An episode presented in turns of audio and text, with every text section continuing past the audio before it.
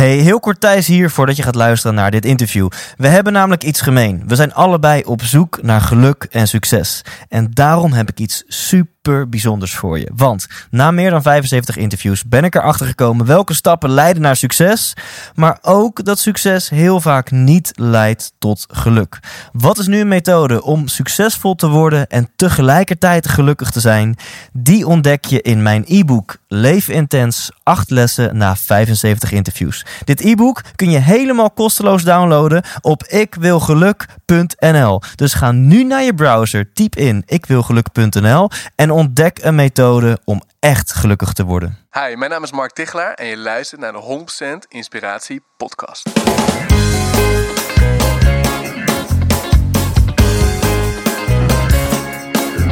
Hey, wat goed dat je luistert. Hij staat weer voor je klaar. Je wekelijkse dosis inspiratie is weer daar.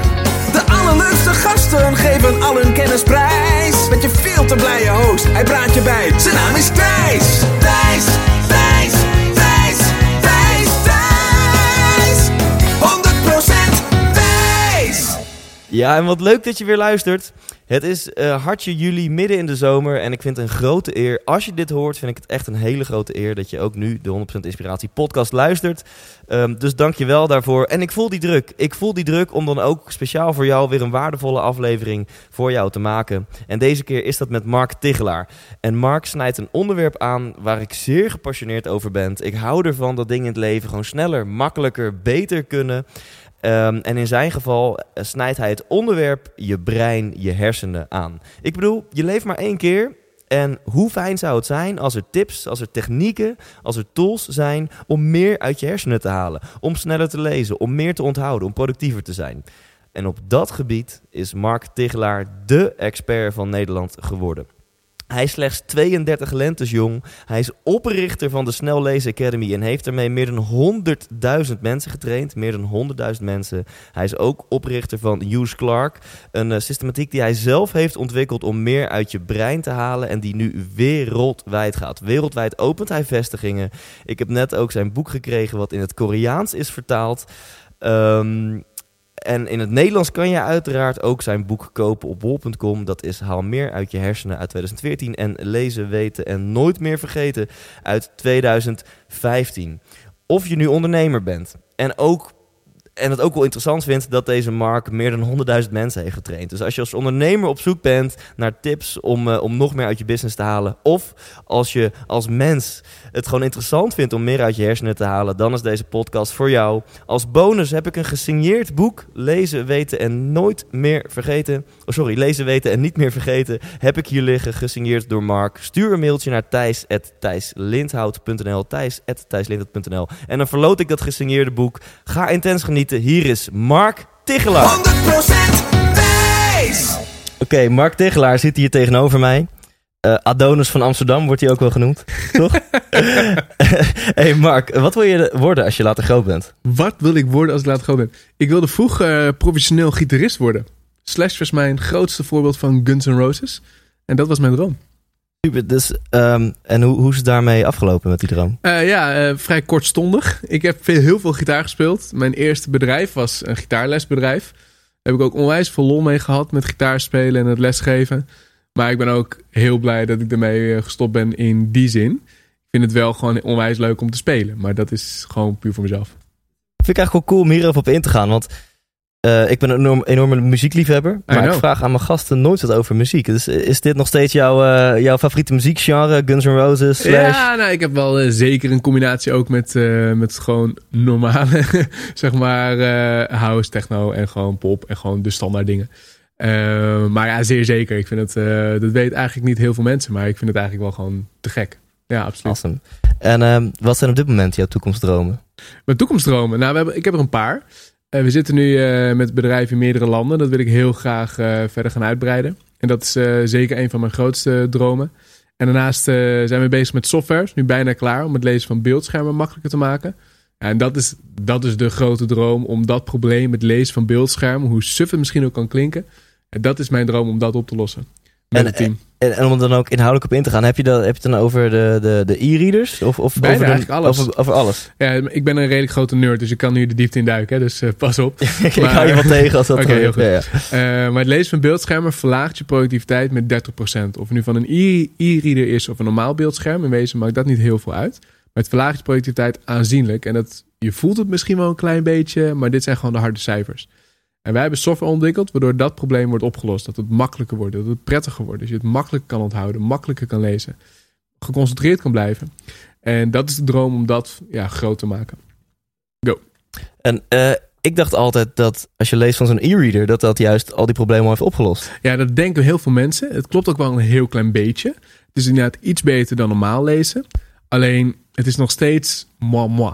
Het is nog steeds als je informatie makkelijk vergeet, slecht tot je neemt en het ook gewoon ja, minder goed tot je neemt uiteindelijk. Daar komt het op neer. Dus het is wel ietsjes beter, maar het wordt heel erg overschat. Ik vind het eigenlijk wel chill dat je dit zegt, want ik voel me altijd echt een ouderwetse nerd als ik er aan mijn assistent vraag. Die wil je weet, het uitprinten? Ja. Wil je het uitprinten? die weet eigenlijk als Thijs een mailtje krijgt wat langer is dan een half A4'tje, Ja. dan moet ik hem voor me uitprinten, want ik word er helemaal lijp als ik dat Ja, je al bent zie. daar niet de enige in. We, geven, eh, we geven je heel veel trainingen, zoals je wellicht weet. En we stellen ook altijd de vraag van, als je mag kiezen. Je moet een groot document lezen, 20 pagina's. Je moet even goed kritisch doorheen. Je wilt het goed tot je nemen. Twee opties. Of je print het uit, of je leest het van een beeldscherm. 95% zonder uitzondering zegt, liever printen. Oké. En dat is niet leeftijdsgebonden, generatiegebonden. Het is puur een fysiek verschil tussen van een papier lezen en van een beeldscherm lezen. Ik denk echt dat dit voor heel veel luisteraars best wel geruststellend is. Ja, nou, oké, ja, het is- er, er is ook hoop. Er is ook goed Ja, nieuws. Je kan er ook wat aan doen. Maar er is ook heel duidelijk slecht nieuws. En wat ik heel boeiend vind is... Die digitalisering is top. Laat dat duidelijk zijn. Ik ben absoluut geen voorstander van dat we nu moeten stoppen met de digitalisering. Absoluut niet. Die digitalisering is heel goed. Alleen, het wordt heel vaak over het hoofd gezien... dat het lezen van beeldschermen... ja, nagenoeg gelijk zou moeten zijn als het lezen van beeldschermen. Eh, en papier en beeldschermen zijn gewoon echt drastisch anders. Ja. En dat, dat komt nu steeds meer aan het licht. En dat verkondig ik ook graag. Want het is absurd dat dat nog niet werd gezien. En jullie gaan hier een gamechanger in worden. Dat hopen we wel. Dat is de ambitie. We zijn er nog niet. Laat dat ook duidelijk zijn. Maar Ja. wij zijn er wel dag en nacht mee bezig. Om het lezen van beeldschermen stukje voor stukje gewoon beter, makkelijker en prettiger te maken. En Kan, dat is- kan je hier al iets over ja, delen? sure. Ja? Ja, we doen eh, meerdere dingen. Eén, eh, we passen de layout aan aan een optimale layout. Een simpel puntje bijvoorbeeld is scrollen. Scrollen wordt natuurlijk heel veel gedaan. En hoe simpel is scrollen nu eigenlijk? Alleen tegelijkertijd blijkt uit onderzoek dat het lezen eh, van beeldschermen voornamelijk irritant is. Doordat mensen scrollen. Omdat je, je weet niet meer waar je bent. En misschien weet je het ook. Ah, Als je ja. normaal een boek hebt, was het, oh, ik zit ongeveer op een derde. Ja. En de informatie stond links onder die afbeelding. Ken je dat Ja. idee? Ja. Bij het lezen van beeldschermen, ja, het stond ergens naar boven. Ik moet een beetje scrollen, maar waar het daadwerkelijk staat, ja, eigenlijk geen idee. Ja. En dat is een van de dingen die we oplossen. We halen het scrollen bijvoorbeeld weg. We hebben een andere layout daarvoor ontwikkeld. En dat alleen al, super simpel, maakt het lezen veel prettiger. Dus we hebben het echt over een softwarematige oplossing. Ja, eigenlijk worden we een concurrent van Adobe. Daar komt het op. Ja, oké. Ja. Dus Adobe, eat your heart out. Dat hoop ik, ja. Ja, vet. Oké, ik wil je zo meteen nog veel meer over horen, Sure. over de inhoud. En voor nu eventjes, eh, ik heb jou maar de, de brein-expert genoemd. Ja, Volgens mij staat het ook op de achterkant van je boek, eh, onder andere. Ehm, kun je eens wat vertellen over jou, jouw route naar succes? Want je bent nu 32, zei Ik je ben geloof ik? 32, ja, net geworden. Je hebt, je hebt toffe dingen bereikt, je hebt boeken geschreven, je hebt meer dan 100.000 mensen getraind. Ja. Nou, dat is iets meer dan, eh, dan de meeste mensen doen, denk ik. thanks.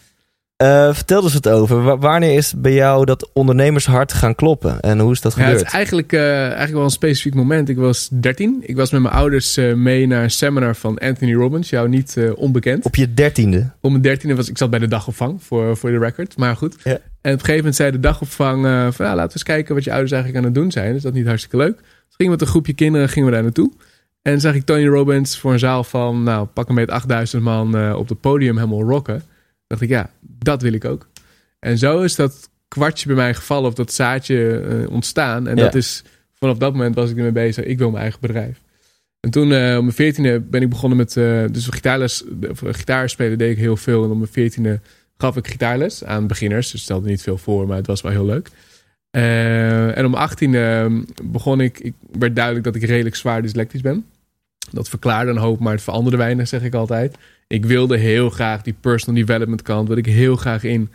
Alleen, ik las zo onwijs traag. Ik was continu afgeleid en ik kon het niet onthouden. Ik denk, ja, dit gaat hem nooit worden. Hier ga ik mijn doelen niet mee bereiken. Dus toen begon ik mezelf te verdiepen in hoe blijf je geconcentreerd? Hoe doe je dat eigenlijk? En misschien ken je het ook, dat je een pagina aan het lezen bent en halverwege de pagina denk je, oh shit, ik moet dat mailtje nog even sturen. Oh, ik moet dat, Ja, dat nog even ja. doen. En aan het einde van de pagina geen idee wat je hebt gelezen. Sterker nog, als ik wil weten wat mijn to-do's voor die dag zijn, moet ik even gaan lezen en dan komt vanzelf. Dan komt het naar boven. Ja? zo aan, ja. Het gevolg is dat je aan het einde van de pagina geen idee meer hebt waar je mee bezig dat was niet de bedoeling. En dan kun je dezelfde pagina nog een keer lezen. Nou, dat had ik continu. Hoe voorkom je dat? Hoe neem je complexe materie sneller tot je? Hoe doe je dat? Zonder dat het ten koste gaat van tekstbegrip. Hoe doe je dat? En hoe onthoud je die informatie op de lange, lange, lange termijn? En die vragen had ik. En daar ben ik mee aan de slag gegaan. Dus simpelweg wetenschappelijke literatuur te lezen. Gewoon echt de taaie, taaie stof. Boeken te gaan lezen. Seminars te gaan volgen. En beetje bij beetje werd ik daar zelf beter van. En ontdekte ik, hey, dit werkt wel, dat werkt niet. Ik zou het zo anders doen. blablabla. En uiteindelijk daar een eigen methodiek eh, in ontwikkeld. En, je hebt nu nog steeds over de, je tienerjaren. Ja, ik was dus nog steeds 18, zeg maar, in de 18, Oké, toen ik oké. 18 was. 18, begin 19 misschien. Ehm, ja, en toen op mijn 19 eh besloot ik, ja, oké, dit is, ik denk dat ik hier wel wat mee heb. Want de medestudenten die niet dyslectisch waren, die zeiden, hey, wat jij doet met je studie, dat gaat veel sneller dan normaal. Dat wil ik eigenlijk ook wel. Dus over een biertje zijn een beetje zo die eerste trainingen ontstaan. Toen dacht ik, ja, top, hier, hier moeten we wat mee doen. Want als je niet dyslectisch bent en je hebt hier ook baat bij, dan heeft eigenlijk iedereen baat hierbij. Want iedereen Ja. moet informatie verwerken. Ja. En toen had ik een vraag eh, in mijn hoofd eh, drie maanden lang van ja, oké, superleuk, eigen bedrijf. Lijkt me te gek om dat te gaan doen. Maar hoe krijg ik bij de start 100.000 klanten? Die vraag had ik in mijn hoofd. En die heb ik letterlijk, zonder te overdrijven, drie maanden in mijn hoofd gehad. Hoe krijg ik bij de start 100.000 klanten? Hoe krijg ik bij de start? Drie maanden lang. En op een gegeven moment kwam ik een eh, vriendinnetje van me tegen. En die zei, hey, ik volg nu een gitaarlescursus bij de LOE. En ik, ah, tof. Toen viel het kwartje. En ik, ah, LOE heeft nog geen cursus op dit gebied. Eh, ze hebben honderdduizend cursisten. Dit is hem. Dus ik even googelen wie ik moest hebben. Die persoon op eh, gebeld. Ik weet nog precies, nou, mooie kerel. Iets oudere kerel al. En toen zei ik, nou, mijn naam is Mark. Ik heb twee boeken geschreven. Ik heb geen idee waarom ik twee zei, want ik had nog geen letter op papier staan. Klein detail. Eh, maar misschien leuk om een keer afspraak te maken, want ik denk dat het een hele mooie aanvulling is voor jullie portfolio. Nou, dat vond hij ook. Dus ik eh, op afspraak, pak van mijn vader geleend. True. Eh eh koffertjes van mijn vader geleend. Echt, Ja. ik was te, too overdressed. Even voor de record, eh, Mark en ik zitten hier ook, driedelig, stopdasje, gewoon super formeel. Totaal niet een korte broek. nee, nee, precies, geen slippers en zo. Eh, dus maar ik goed, het- ik daar naartoe. ja. Want ik had in mijn hoofd, ja, ik ben zwaar dyslectisch. Ik heb nog nooit een boek geschreven. Eh, als ik dit nu ga schrijven, dan kost me dat misschien een jaar. En dan is iemand anders me voor. Dus ik zag het een beetje als een liquide probleem. Ik heb het wel, alleen niet nu, zeg maar. Dat was een beetje wat in mijn hoofd omging. Ja, het, het boek is er wel, maar Ja, nog niet nog geprint. niet op papier. Ja, nog niet op papier. En, ja. dus toen, toen zei ik, nou, interessant. eh, laat het eerste hoofdstuk maar zien, eh, vertelde die kerel. Dus ik dat eerste hoofdstuk eh, als een gek gaan tikken. Ging over snel lezen. Nou, hij had het gelezen, hij had het toegepast. Het werkte voor hem heel goed. Hij ging sneller lezen, hoger tekstbegrip. Nou, al die punten top. Zei hij op basis van dit hoofdstuk koop ik de twee boeken. Nou, te gek. Zakelijk gezien is het een hele slechte deal eh, geworden uiteindelijk. Maar Mhm. ze hebben de royalties afgekocht. Want eh, dat Oh, hebben ze ja. slim gedaan. Eh, ze hebben het gigantisch in de media gezet. Ze hadden een tv-commercial over die cursus. Ze hadden huis- en huisbladen. TV-commercial, nationale tv. Ja, nationale tv. En daar werd jouw naam ook in genoemd. dat is het nadeel. De cursus werd erin genoemd. Ja. Maar het was wel dat in elk boek stond mijn naam. In elk boek stond Ja. over de auteur met mijn website eronder. En dat is de start geweest. Want in de eerste vier maanden alleen al waren er meer dan 16.000 exemplaren verkocht van alleen het snellezenboek. Speedreading. Wow. En dat is alleen de eerste vier maanden. En eh, dus dat is, ik weet niet de exacte Dus aantallen nu. een dikke bestseller meteen. Het is gelijk een, eh, met het komt omdat de LOE daar enorm marketingskapitaal in heeft gestopt. Wat ik zelf in mijn eentje nooit had kunnen doen. Eh, dus achteraf gezien zakelijk veel van geleerd, laat ik het zo noemen. Want ze hebben die royalties, royalties afgekocht. Ja. Dat is, eh, initieel is dat een bedrag dat je denkt, nou, chill. Ja, Oké, ja, Oké, prima. ja, maar op lange termijn, en zeker Nou, als je ik weet het op een is... boek had gekregen, dan eh, was het een heel ander verhaal. Oké, ja. Eh, maar goed, maakt niet uit. Daar hebben we heel veel van geleerd. En omdat mijn naam in elk boek stond met de websitevermelding. we hebben best wel lang, nou, nog, echt tot een paar jaar geleden nog zelfs, echt nog dat er gewoon mensen vanuit daar belden. Zo Ja, van, dat- ik, ik heb je naam gezien in het boek. Ja, Van- zo is het begonnen. Wauw. Eh, dus dat is de start geweest van de En, business. en die, die vraag, ehm, hoe kom ik aan 100.000 klanten? Eh, hoe, hoe, hoe ben je op die vraag gekomen? Ja, weet je? Ik bedoel, meer mensen starten een Ja. bedrijf. En Tony Robbins zegt ook, weet je wel, ask intelligent questions. Ja. Questions are the Het answers. zou me niks verbazen dat het daar vandaan komt. En toen dacht je, ik kan mezelf nu afvragen, hoe kom ik aan 10 klanten of 100? Maar jij dacht, nee, hoe kom ik aan 100? 100.000 klanten bij de start. Ja, Cool. ja het super lachen. En ik denk achteraf gezien dat eh, Hans, heet die eh, persoon, de inkoper van de LOE destijds. En die, ik denk echt wel dat hij door had. En dat hij te maken had met de jongbroekje, dat sowieso. Dat had Mhm. hij sowieso door. Maar ook wel dat ik een beetje aan het bluffen was. Maar hij ging er op een leuke manier in mee. Want je was 19. Ik was 19 destijds, ja. En ehm, hoe, hoe was jij op dat moment gekomen aan die snelleestechnieken? Ja, Eh, want je had zelf heel veel moeite met lezen. Ja, true. Ik had een combinatie van eigenlijk heel veel factoren. Ik had eh stage gelopen bij een bedrijf. Ik had heel veel eh, wetenschappelijke literatuur gelezen. heel veel boeken gelezen. Heel veel trainingen gevolgd. En dat, dat gecombineerd en dat vooral zelf toegepast. Want dat was initieel eigenlijk het enige doel. Van ik wil zelf gewoon dit beheersen. Want ik wil die personal development kant. die jij ook en ik, die wij allebei heel vet vinden. Daar wil ik me volledig in verdiepen. Ja. En dat kan alleen als ik deze issues, dat ik te langzaam lees en continu afdwaal en niet kan onthouden, als ik die oplos. Ja. En zo is dat ontstaan. En toen, toen ja, bleek dat het voor mijn studie dus... Ja, ik ging van 40 uur studie, wat normaal is voor psychologie. Mijn achtergrond is psychologie. Eh, het staat normaal 40 uur per week om. Niet om op te scheppen, maar door deze methode ging het naar 8 uur per week. En toen zeiden mijn medestudenten, ja, ik ben niet dyslectisch, maar ik doe er ook eh 40 uur over. Ja. Hoe doe jij dat? Eh, hoe doe je dat? Kan, Ja, je, de- je kan, dat? kan je iets delen? Sure, ik kan Ja? zoveel Cool. delen wat je wilt. Wat Ja. wil je weten? Nou ja, hoe, eh, hoe, wat heb jij inderdaad, eh, welke methode heb jij toegepast en wat heb je toen tegen je studenten verteld? Hoe kan je van 40 Sure. naar 8 uur gaan met Ja, dezelfde dat resultaten? Daar kunnen we twee dagen over volpraten. Ja. Wat ik, lijkt me heel leuk hoor. Maar het- ik zal een aantal, aantal dingen die je ook direct, ook als luisteraar, ook direct kan toepassen. Misschien Ja. is dat het leukste. Cool. En in mijn ogen zijn er, eh, in mijn nieuwste boek eh, Lezen, Weten, Niet Vergeten, heb ik daar acht principes voor geschreven. Of ontwikkeld, een beetje achtergekomen inmiddels. Want omdat we nu zoveel ervaring hebben, dan ga je een beetje patronen zien van de Ja. gemeenschappelijke uitdagingen die we allemaal hebben. We zijn allemaal, lezen we, zijn we continu afgeleid. We zijn lezen bijna alleen maar scannend, omdat we niet meer normaal kunnen lezen. Ook uit tijdgebrek en uit vaardigheidsgebrek. Waardoor je altijd informatie mist. En binnen een dag vergeet je 70% van de informatie. Dat is een beetje zo'n tendens die we altijd overal, waar dan ook ter wereld. Dit zijn even de inspirerende facts. Dit zijn eh, de harde feiten.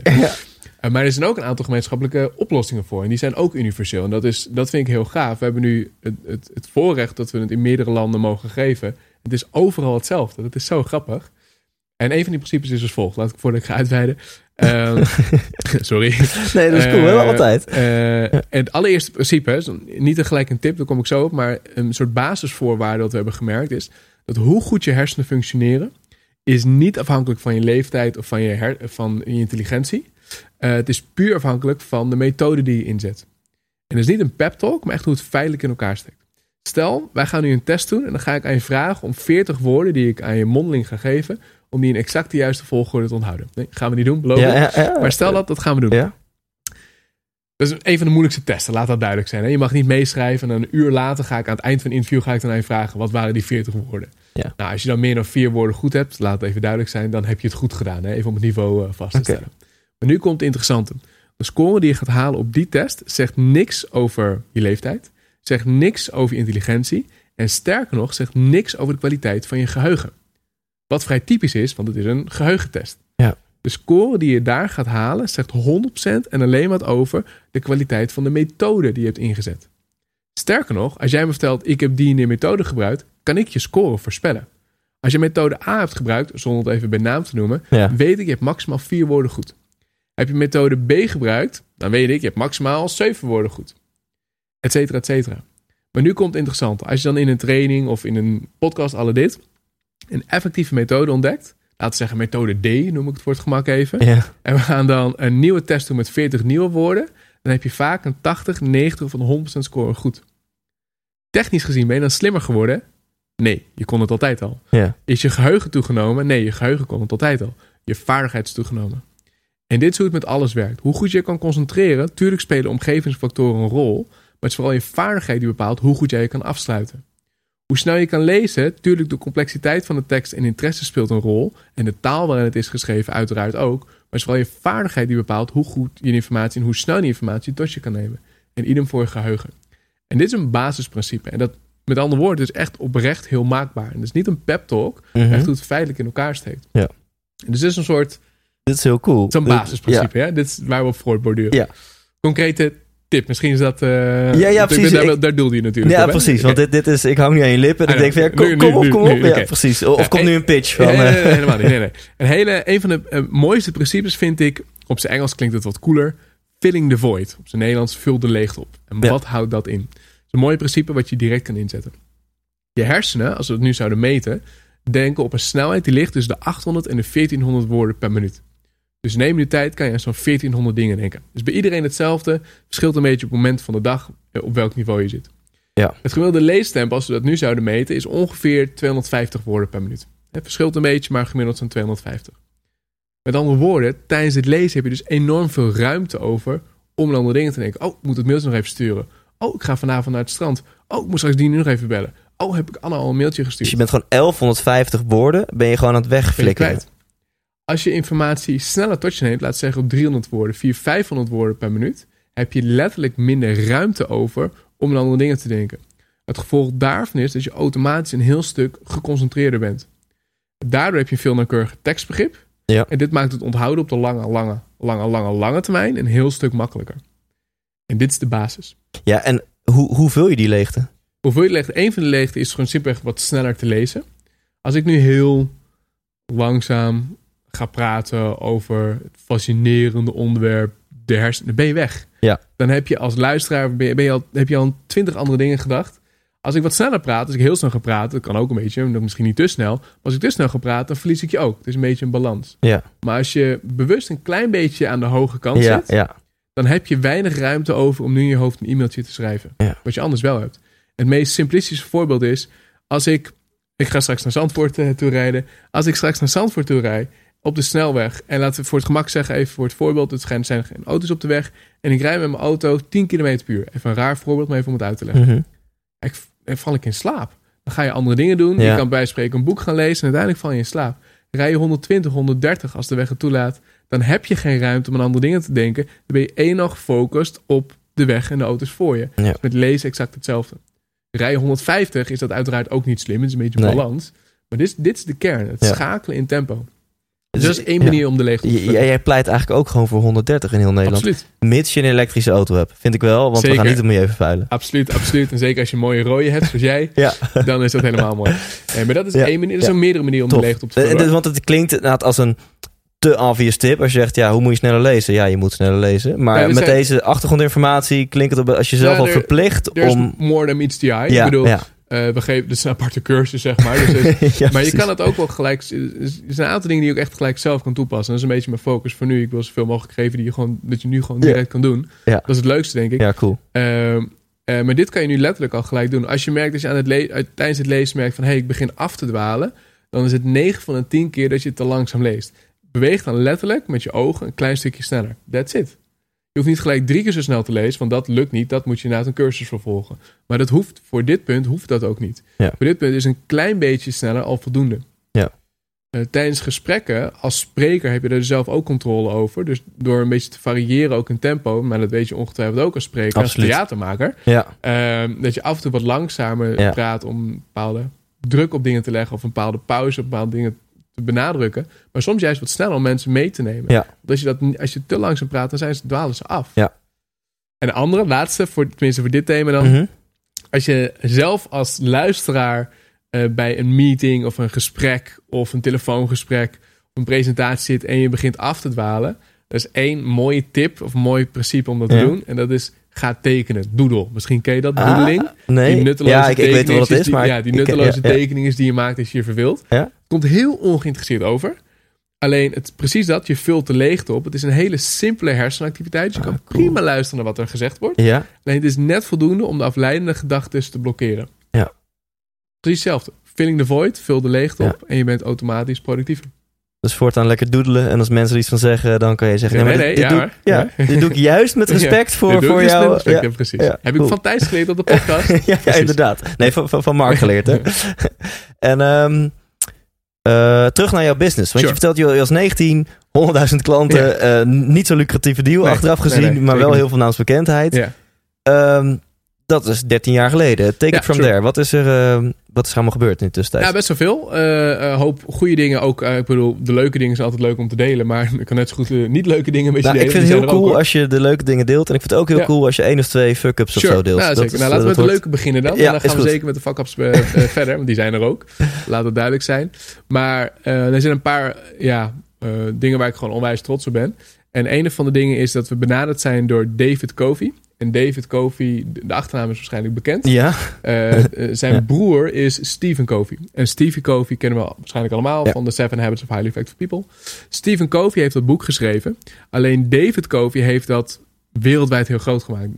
The Seven Habits is zo Ah, groot oké. door zijn broer David Covey. dat, dat is de, de, de, de marketingmachine De erachter. marketingmachine erachter. De Ja. sales en de marketingmachine. Tof. En hij doet dat niet alleen voor The Seven Habits, maar hij heeft het ook gedaan voor Getting Things Done. Getting Things Done ken je ongetwijfeld ook. Absoluut. En dat, is, dat was al een mooi boek natuurlijk van David Allen. Ook geweldige methodiek, maar dat terzijde. Eh maar dat is wereldwijd zo onwijs groot geworden. Ze zitten nu in 50 landen. Door David Covey en zijn bedrijf. David Covey, believe it or not, benaderde mij van Mark. We zijn onwijs onder de indruk van wat jullie doen met de methodiek. We hebben erover gehoord. Zou je het te gek vinden om dat verder wereldwijd te gaan schalen? En dan heb je het over de snelleesmethodiek. Dus meer dan dat. Wat wij doen, eh, misschien goed dat je dat even benadrukt misschien. Eh, want dat, dat wordt vaak gedacht, we doen alleen snel lezen. Dat is een onderdeeltje van wat we doen. Ja.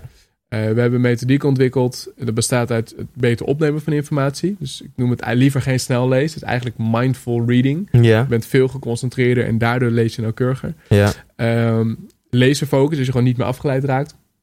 Business mind mapping en memory masters. Dat memory master. Dat zijn de vier modules die we aanbieden. Dat je echt alle informatie perfect kan onthouden. Een duidelijk overzicht hebt. Nooit meer afgeleid raakt. En informatie gewoon sneller tot je neemt. Dat zijn de vier thema's die wij doen. Dus snel lezen is letterlijk één van die thema's. Maar het is niet meer dan dat. Ja. Ehm, en daar was hij onder de indruk van. Dus dat, dat was alleen al een tof telefoontje. Eh, en toen heeft het nog best wel lang geduurd. Ongeveer een jaar voordat we contractueel eruit waren. Maar we zitten nu in 16 landen. Met zes kantoren wereldwijd. Door David Covey. En dat was letterlijk een telefoontje. De telefoon ging, Ja, ja. jij neemt op. En, ja, eh, het, heeft nog wel, het heeft heel veel meetings gekost, fysiek hoor. Ze waren een aantal keer in Nederland en nou, heel leuk. Eh, maar het, uiteindelijk, eh, nou, het heeft ruim een jaar geduurd voordat het eh, operationeel was. Ja. Eh, en dat ging verder dan een telefoontje. Een contract van 40 pagina's in het Engels. ja, ja, ja, maar het begon bij een telefoontje. Amerikaans recht bedoel ik. Ja. Maar ehm, ja, wel pittig.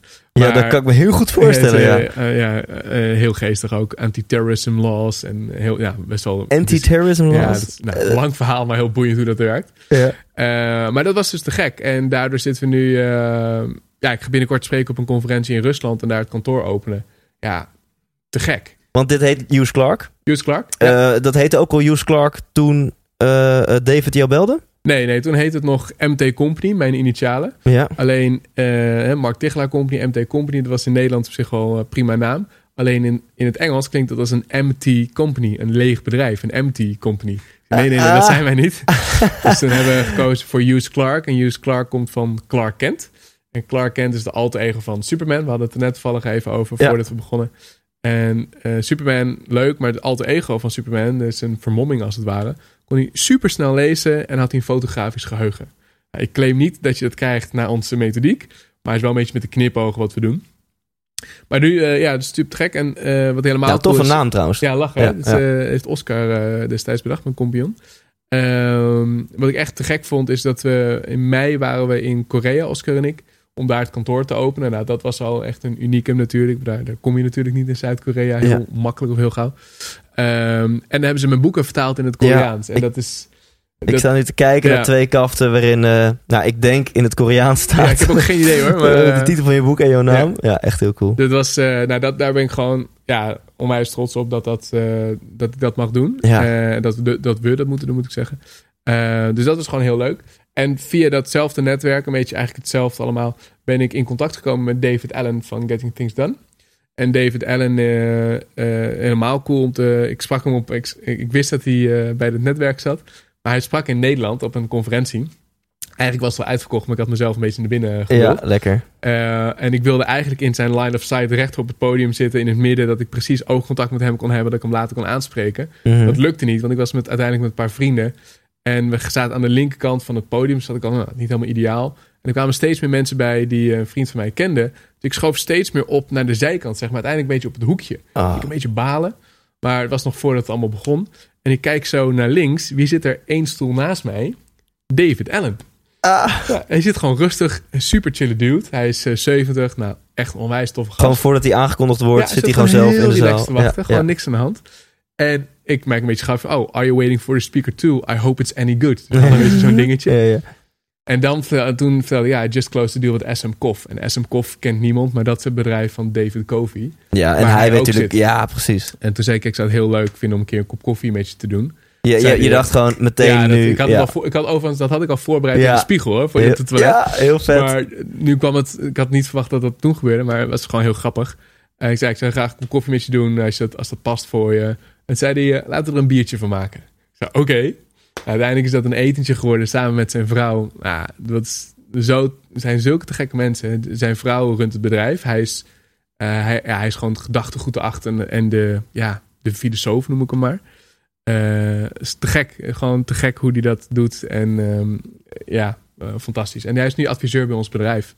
Dus dat Heel is een enorme eer en enorm te gek. En we gaan binnenkort, dus 30 september, geven we samen een training hier in Nederland, in Utrecht.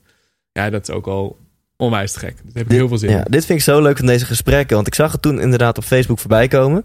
En dan zou je misschien, zijn er misschien mensen die kunnen denken: oh ja, dat, dat regelt die Mark weer. Hij, heeft, hij mocht natuurlijk backstage of ik vond dat we allemaal. Dat die rode loper al voor jou nee, uitgelegd was. niet. Nee, zeker niet. Maar het is gewoon voor de spiegel oefenen. en eh, gewoon echt- gewoon die echt pitchen, recht ja. neus. En ehm, Ja, maar dat vind ik Ja. zo te gek. Als als, je, als je weet dat je op een...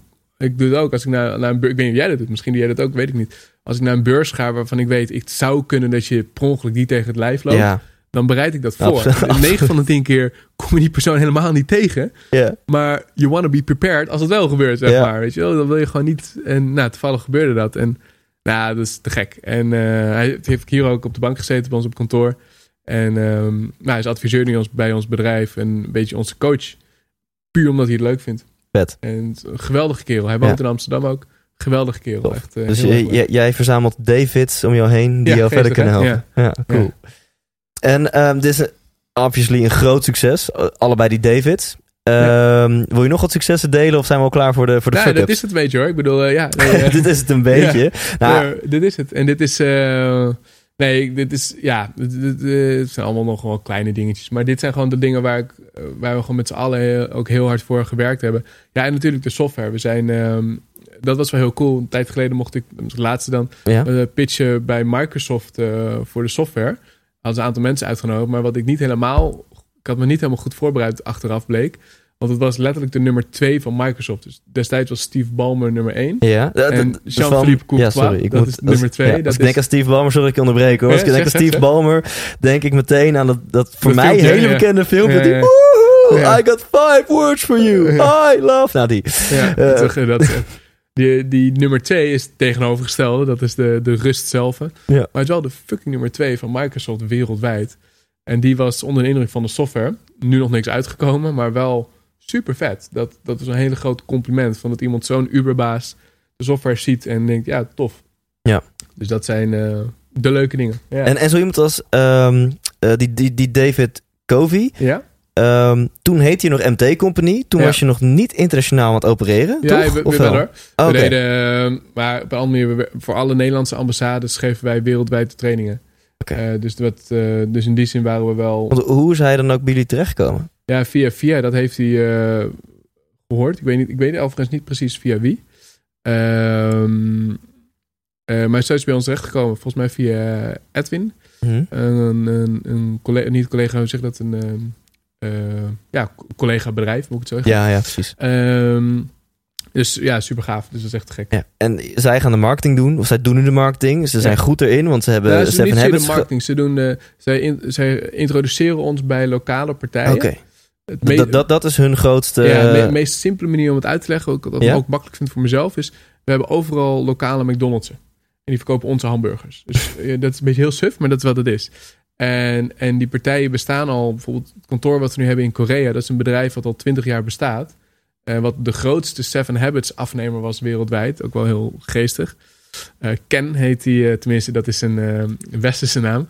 Eh, is, is, daar de, is daar de baas, gewoon de Uberbaas. En die, die zei van ja, Hughes Clark, dat moet ook eh, bij ons erbij. Ja. En dat is een hele relaxte samenwerking, want het is al gewoon een geoliede machine. En dat soort partijen kunnen natuurlijk ook denken van... nou, we kunnen zelf ook wel methoden ontwikkelen. Ja. Maar what's in it for them om met jullie samen te werken... is natuurlijk, ze moeten een fee afdragen. Er Ja. moet twee ook wat in zitten. Eh, maar wat ze daarvoor terugkrijgen is dat alles helemaal kant en klaar klaar ligt. Ja, en zij gewoon morgen al geld ermee kunnen Ja, verdienen. dat is precies het idee. met hun, eh, ja. En wij, ehm, dat is precies het idee.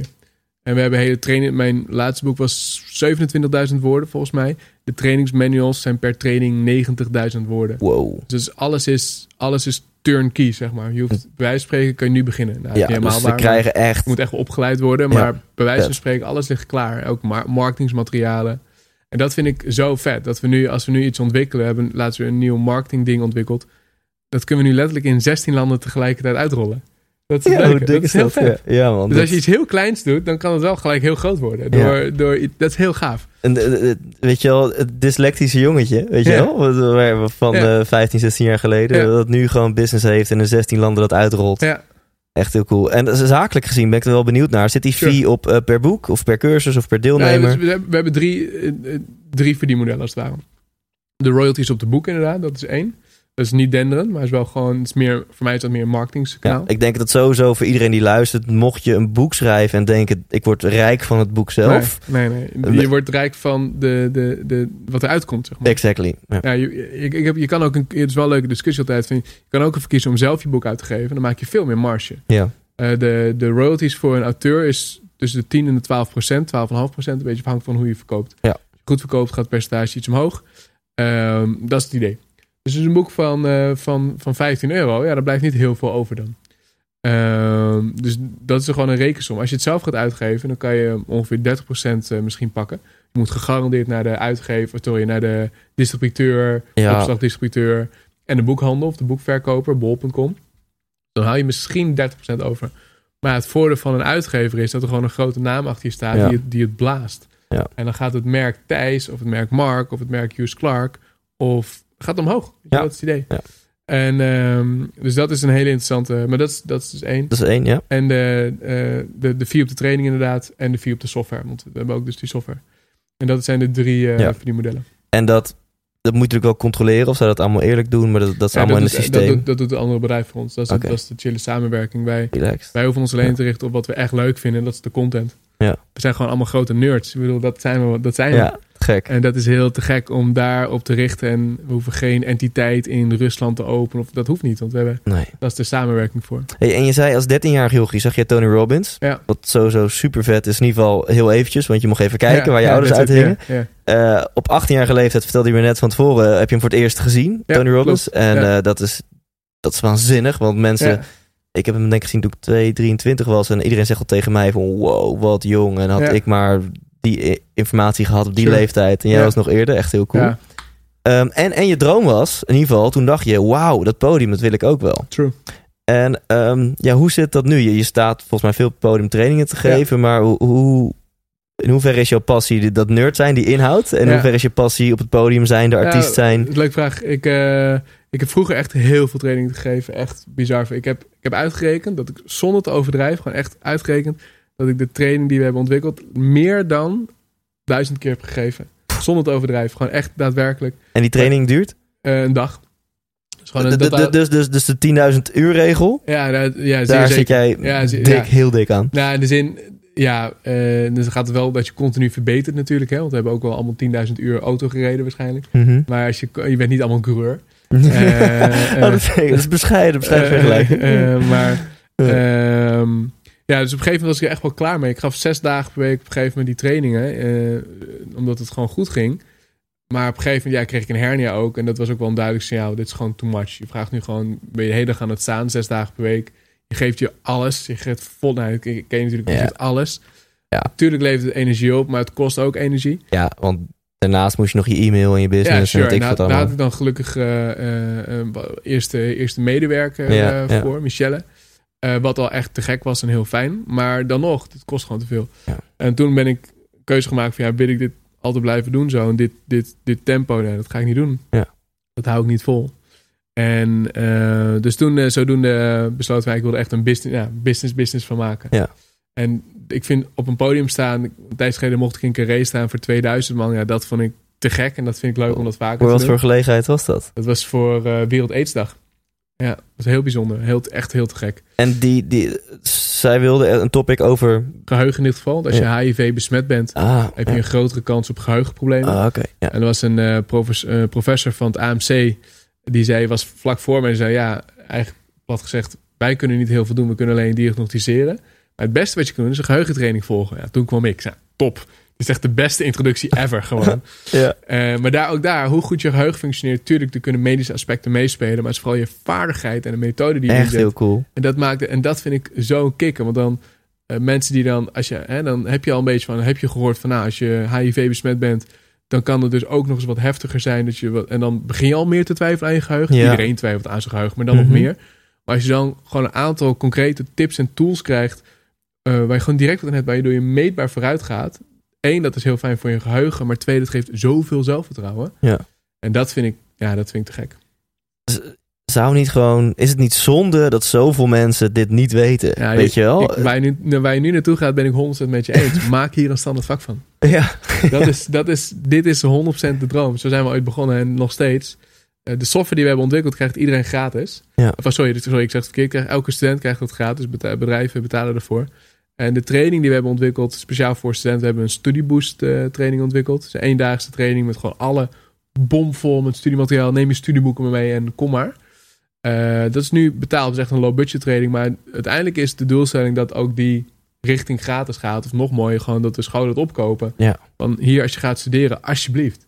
Echt, ik bedoel, want nu zeg maar voor volwassenen, voor werkende mensen is zeg maar een training van een dag of al helemaal als het elke week is, True. is, is superveel. Maar als Ja, student of als scholier Ja, doe je niks anders. Dus true. één vakje toevoegen op de middelbare school, een uurtje Ja. per week, breintechnieken, snel Ja. lezen, geheugentraining. En dat kan zo goed. En En, flikker dan even één uurtje van een willekeurig Ja. ander vak eruit. ja, 100% waar. Ja. En dat, dat is nog steeds de droom. En eh, we hebben nu, dat vind ik wel heel leuk, we hebben een online introductietraining gemaakt die je gratis kan volgen. Zeg maar de light variant is gewoon vijf, zeven filmpjes voor vijf minuten, gewoon heel snackable content. Maar die gaan we ook op alle universiteiten, hogescholen gaan we nu verspreiden, jongens. Alsjeblieft, alsjeblieft, alsjeblieft, alsjeblieft, alsjeblieft, alsjeblieft. Iedereen kan hem gratis doen, maar als student heb je er misschien nog wel het meeste aan. Ja. Want doe het nu maar gelijk. Je gaat toch studeren. Eh, kom maar, doe maar. En dat is, ehm, ja, dat is de droom. Ja, dat is dus nog steeds business doen met een droom. Met een Ja, missie. ik denk dat hoeft elkaar totaal niet erbij te denken ook. Ik bedoel, dat heb jij ook. Je hebt je, hebt je droom en de business en dat, dat kan je ook Ja. klikken. En dat is, ehm, ja, als je het zakelijk goed doet, is het alleen maar goed teken, want dan bereik je veel mensen. Ja, precies. Want eh, waarde toevoegen is gewoon heel cool als je een droom hebt. En Ja. tegelijkertijd is het ook business-wise helemaal geen slechte keuze. Om gewoon Nee. zoveel mogelijk te delen en heel veel gratis weg te geven. Ja, zeker. En dat Ja. is, eh, nou, dit is een mooi voorbeeld van natuurlijk, wat jij Ja. doet met je podcast. Ja, dat is hetzelfde. Je geeft heel veel waarde weg aan je, aan je luisteraars. Absoluut. Ehm, nog een laatste vraag voordat we naar het on-the-spot eh, gedeelte gaan. Ja, oh ja. Ehm, oh, spannend.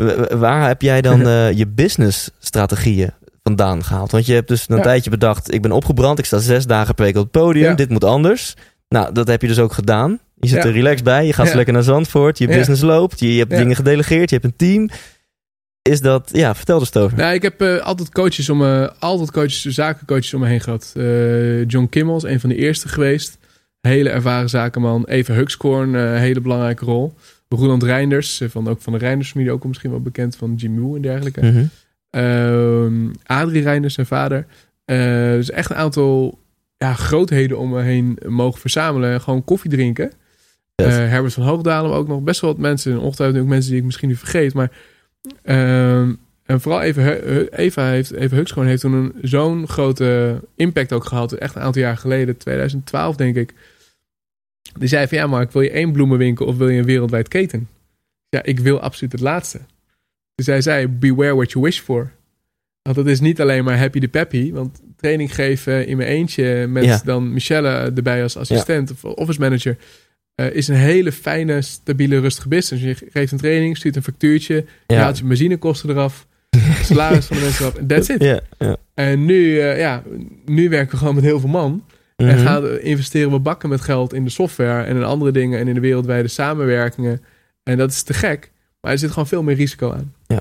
Eh, maar daar komen ook vooral de ideeën vandaan. Ik vind het zelf heel leuk om erover na te denken. Maar ook, en nu hebben we ook een nieuw persoon aangetrokken bij het bedrijf, Marcus. Ja, Marcus is een, eh, Marcus van Bijma is een, is een, is een doorgewinterde topondernemer. Die een bizar groot bedrijf, bedrijven heeft neergezet.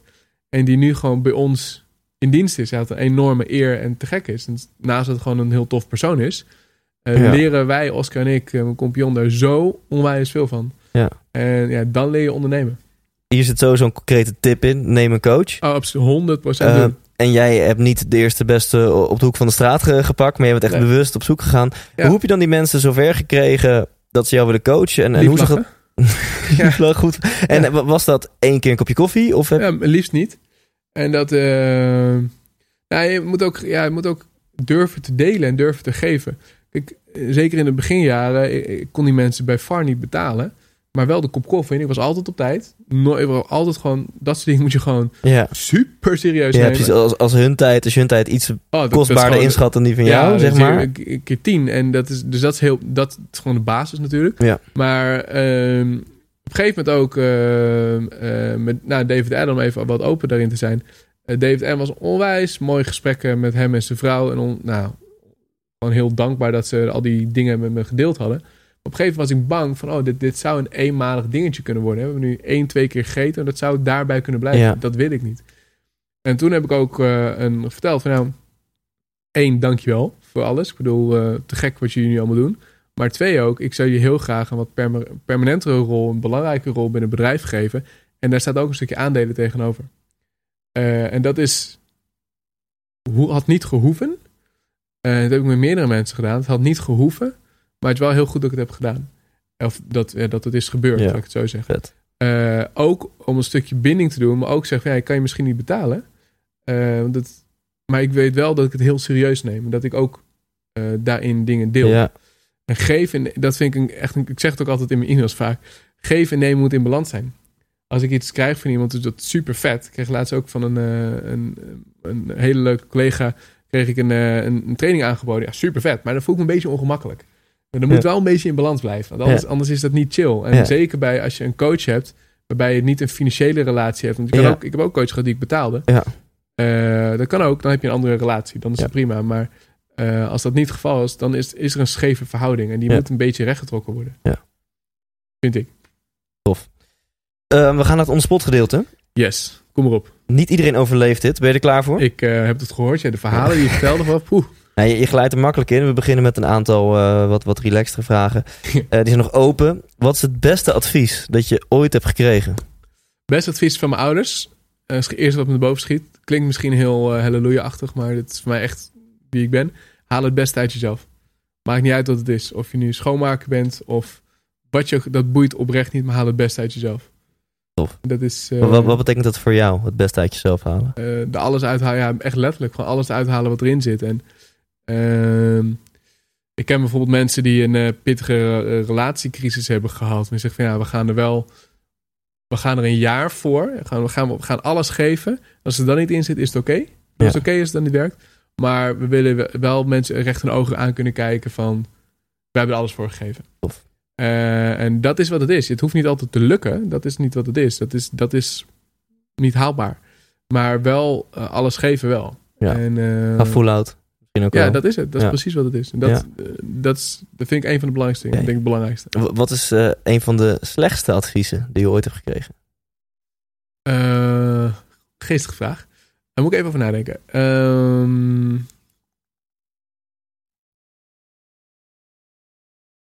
ja, ik, nou, slechts adviezen. Eh, dan, is, dan komen nu een aantal personen naar boven. ik zal de naam niet noemen. Eh, maar de, die, eh, eh, waar geadviseerd oh, je moet met die spreken. Of oh, die Oh, moet ja. je aannemen. Of Ja, wat uiteindelijk, en dat is, ligt er niet aan de persoon die het aanbeveelde, maar de samenwerking werkte gewoon niet. Ja, dat Ja. heb je dat een paar keer gehad. Ehm, en dat, is, dat zijn altijd pijnlijke dingen.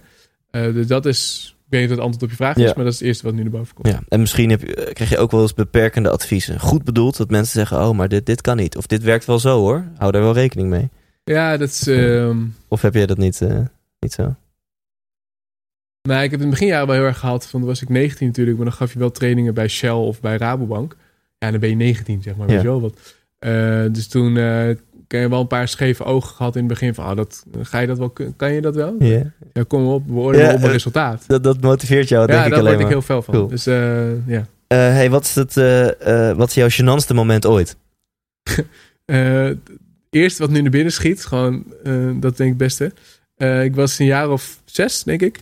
Mijn ouders, mijn vader werkte op het conservatorium. hè, Yes. dat Ehm, en die had een grote, was een grote dag met eh, nou, 500 man of zo. Met kinderen, familie, bekende, onbekende. Dat was ook een, eh, de opening van het nieuwe jaar. Nou, een grote club. En de kinderen zaten vooraan. Ik zat met de kinderen vooraan. Ik was zes of zo, denk ik. En eh, de presentator vroeg, groot podium. Wie van jullie wil hier een liedje komen zingen? En ik, als enige enthousiasteling, ja hoor, dat ben ik. Kom maar, kom maar door. En nou, ik op het podium, niemand anders straks swingen, dus ik was uitgekozen. Nou Mark, kom op het podium, leuk. Wat ga je zingen? Ja, eigenlijk geen idee. dus toen, ehm, eh, ja, oké, nou welke, kan je Push? Ja, Push Mouth, die ken ik. Toen ging ik Push Mouth zingen, maar echt knijtervals. Ja. Ik wist, op dat moment had ik dat allemaal niet door. Maar dat heb ik wel teruggekregen van mijn ouders een paar jaar later. Van, nou, dat is niet, eh, hè? Dus eh, mijn ouders, hè, die allebei... wat in, ja. ja. mijn ouders die alle in de muziek zaten. Dus die zaten echt met kromme tenen van, oh, fuck, fuck, fuck, fuck. Oh, heerlijk. Ja, Ja, ik denk dat dat wel een van de... En dat is ongetwijfeld nog wel meer. ja, maar dat is ja, precies. Ja, je, je, je hebt tien uur podium gestaan. Dan zal je ongetwijfeld Oh, ja, ik ook... heb, eh, ja. eh, Ik heb dingen- gehad, dat is helemaal Ja? af. Dan ging, gaf ik grote studenttraining. nou, groot, maar gewoon een, pa- een paar, een paar nou, honderd man of zo. Ehm, en die ehm, was er een student op. Midden in de, ik zei, jongens, het is pauze nu. Stond er een student op. Had een gele regenjas ook de hele tijd aan. Was, was ik al een beetje door afgeleid. Denk ik, ja, what the fuck. Ja. Ehm, en die stond op en die ging zijn tanden poetsen met zo'n elektrische tandenborstel. Binnen- ja, en later liep je half en ik, ah, what the fuck is hier gebeurd? Dus dat is... Eh, eh, je, je, hebt- je weet ook niet wa- waardoor dat nu... Nee, nee. Dus, ik denk dat ik, volgens mij was hij autistisch, tenminste. Dat Oh ja, ja maar- dat kan natuurlijk wel. Dat die, ik Eh. moet om half tien dan de poetsen. Ja. of zo, Ja. Ja. Hey, wat ligt er op jouw nachtkastje? Het Laat, ligt op laten we mijn het daar eens over hebben. Eh, een rookmelder en Een- eh, een mijn wake-up light. Oké. Geen cool. telefoon. Geen Heb jij die ene die ook eh, eh, ge- geluiden maakt van strand en zo? En, eh, Ja, ik heb vogels. Maar eh, Vogels. ja, het is ook best irritant als je dan op een gegeven moment vogels hoort. denk ik, oh, mijn wekker gaat. Maar nee, nee, er zijn gewoon Ah. vogels buiten. Oh, Oké. Maar eh, ja, that's it. Dus eh, geen boeken, geen eh, telefoon. Eh, wat is jouw guilty pleasure? Guilty pleasure. Eh, ja, oké, dat ga ik dan zeggen. Eh, guilty pleasure is, eh, is echt stevige hardrock eh, muziek. Oké, Eh, eh, voorbeelden? Metal eigenlijk. Metal, Gewoon. ja, Ik je bedoelt- het is, maar gewoon metal. gewoon keiharde Gewoon metal. Ramstein. Ja. Eh, Oké, Ramstein. auto, gewoon Ja. heel hard. Ook van die Scandinavische meuken met alleen maar double bass en blastbeats. Nee, Of, nee, eh, wel, eh, wel Arch Enemy voor de mensen die het kennen. ja, Maar eh, ja, dat is, ehm, ja, vind ik gewoon te gek. Heerlijk. Dat, dat is de eerste keer dat ik dit zelf vertel Ja. eigenlijk. Maar, primeur Ja, jongen. ja, Het nou, primeur, eh, primeur, ehm, deze vrouw schop ik niet uit mijn bed. Oh, dat is mijn vriendin, dat Anne. Oh, dat is zo lief. Ja, we zijn eh, nu twee weekjes, twee, eh, ruim twee weken, bijna drie weken verkering. En dat is eh, ja, gewoon echt een gekke chick. Dus dat is, Cool. Ja. Ik, ik vertelde die net wat voor gênante vraag die gasten van Herman in een bakje geitenkwark Ja. aan Savannah Simon stelden toen ik in het interview was en deze vraag viel. Ja. Toen kwam natuurlijk ook meteen volmondig het antwoord. Savannah Simons. Dat was ook wel weer cool. Hey, on the spot deel 2. Dit, is, dit gaat snel en dit is spannend. Sensatie, adrenaline, Bam, bam, bam, zweet, klotsende oksels. ja hoor. Ochtend of nacht? Ochtend. Bestuurder of passagier? Bestuurder. Groene smoothie of Engels ontbijt? Groene smoothie. Naakt of pyjama? Naakt. Kamperen of all-inclusive? All-inclusive. Nooit meer seks of nooit meer muziek? Nooit meer muziek. Hutje op de hei of herenhuis aan de gracht? Herenhuis op de gracht.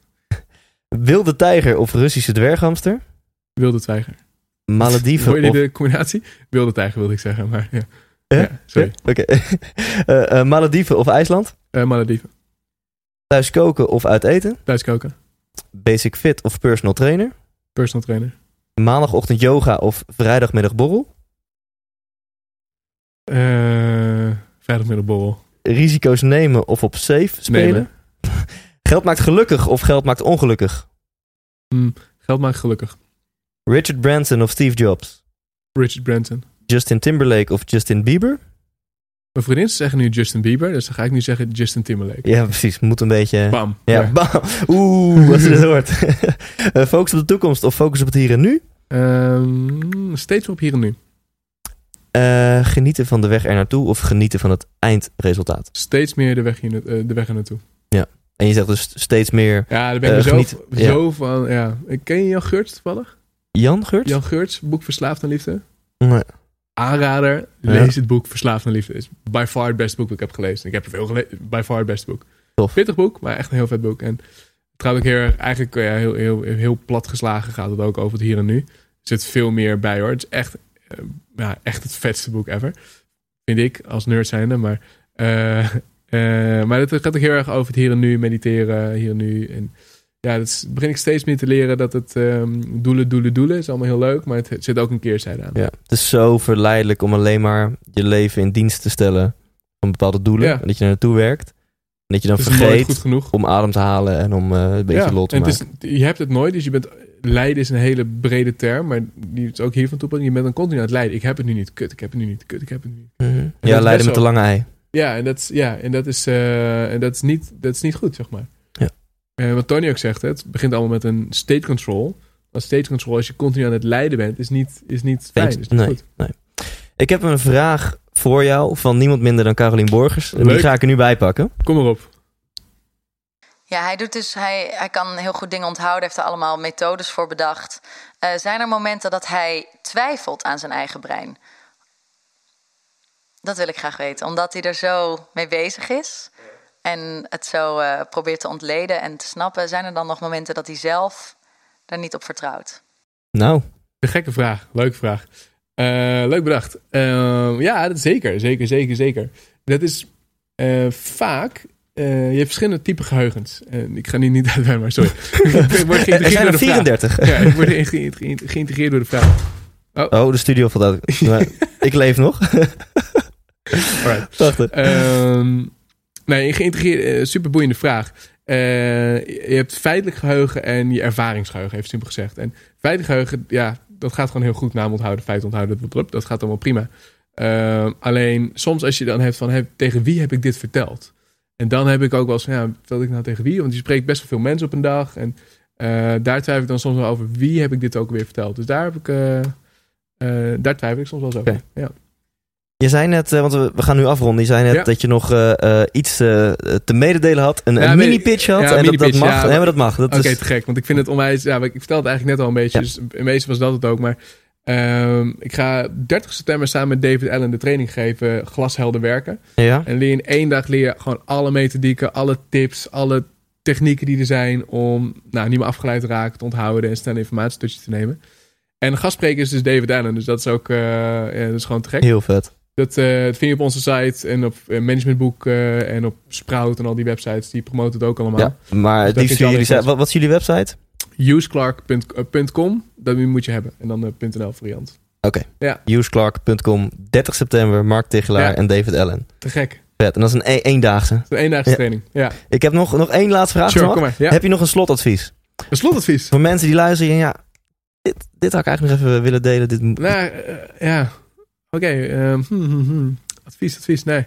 Nee, eigenlijk niet. Eh, eh, doe gewoon lekker je ding. En laat je gewoon niet afleiden wat mensen zeggen. En als je een droom hebt, ja, fuck het. Ga er inderdaad gewoon voor. Het is zo, het is zo platgeslagen, zo corny, maar dat is zo. Ja. Het is zo waar. En, eh, we hebben nog niet echt bij stilstaan, dat is prima ook. Maar we hebben onwijs ook veel tegenslagen gehad. ja, En je had ook heel makkelijk kunnen, we hadden ook heel makkelijk kunnen zeggen, nou, we kappen ermee, we stoppen ermee. Ja. Maar je moet gewoon, als je gelooft in je droom, dan moet je er gewoon voor gaan. En ik denk dat dat, dat de essentie is. Gewoon never give up. ja. En we hadden het net heel kort even over de, de documentaire over Tony Robbins. Ja, gek. Eh, los van het feit dat ik echt heb zitten sproeien als een klein kind bij Ja. die documentaire, heeft Ja, me ook gek. echt geraakt. En daarna dacht ik, wat is nou de essentie? Toen dacht ik, het raakt me echt. Ik denk, die essentie is weer, leef alsjeblieft gewoon wie je fucking bent. ja, dat is wat En, is. en dat is de essen- en, en luister dus naar je gevoel, naar die Ja. sensor. En heb scheid aan wat anderen dan daarvan vinden of ja, dat is denken. precies wat het is. Echt, fuck de rest. Ja. En dat is, ehm, ja, dat is het mooiste. Awesome. Dankjewel Cool man. man, graag gedaan. Thanks, leuk. 100% wijs! Je hebt geluisterd naar aflevering 22 van de 100% Inspiratie Podcast. Vind je dit interessant? Smaakt dit naar meer? Voor mij in elk geval wel. Ga dan nu naar useclark.com, useclark.com. En als je daar klikt op het tapje training, dan kan jij je aanmelden voor 30 september. De eendaagse masterclass glashelder werken met David Allen als gastspreker.